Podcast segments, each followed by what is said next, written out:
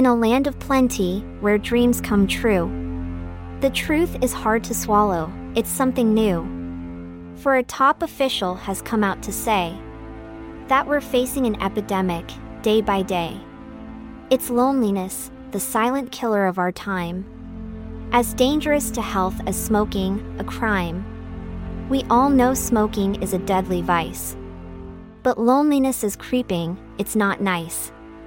You may think you're fine, but look around. People are disconnected, rarely truly found.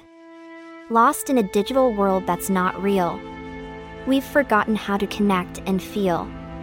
The Surgeon General, Vivek Murthy's plea, is a call to action for you and me to recognize the danger and take a stand, to reach out to others, lend a helping hand.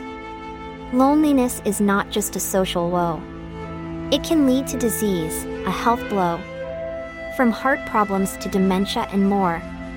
It's time to act, to open the door. We need to cultivate social connections, to start conversations, offer detections, to build relationships strong and true, to fight the epidemic through and through. It's not just about the individual, it's about the community, one and all.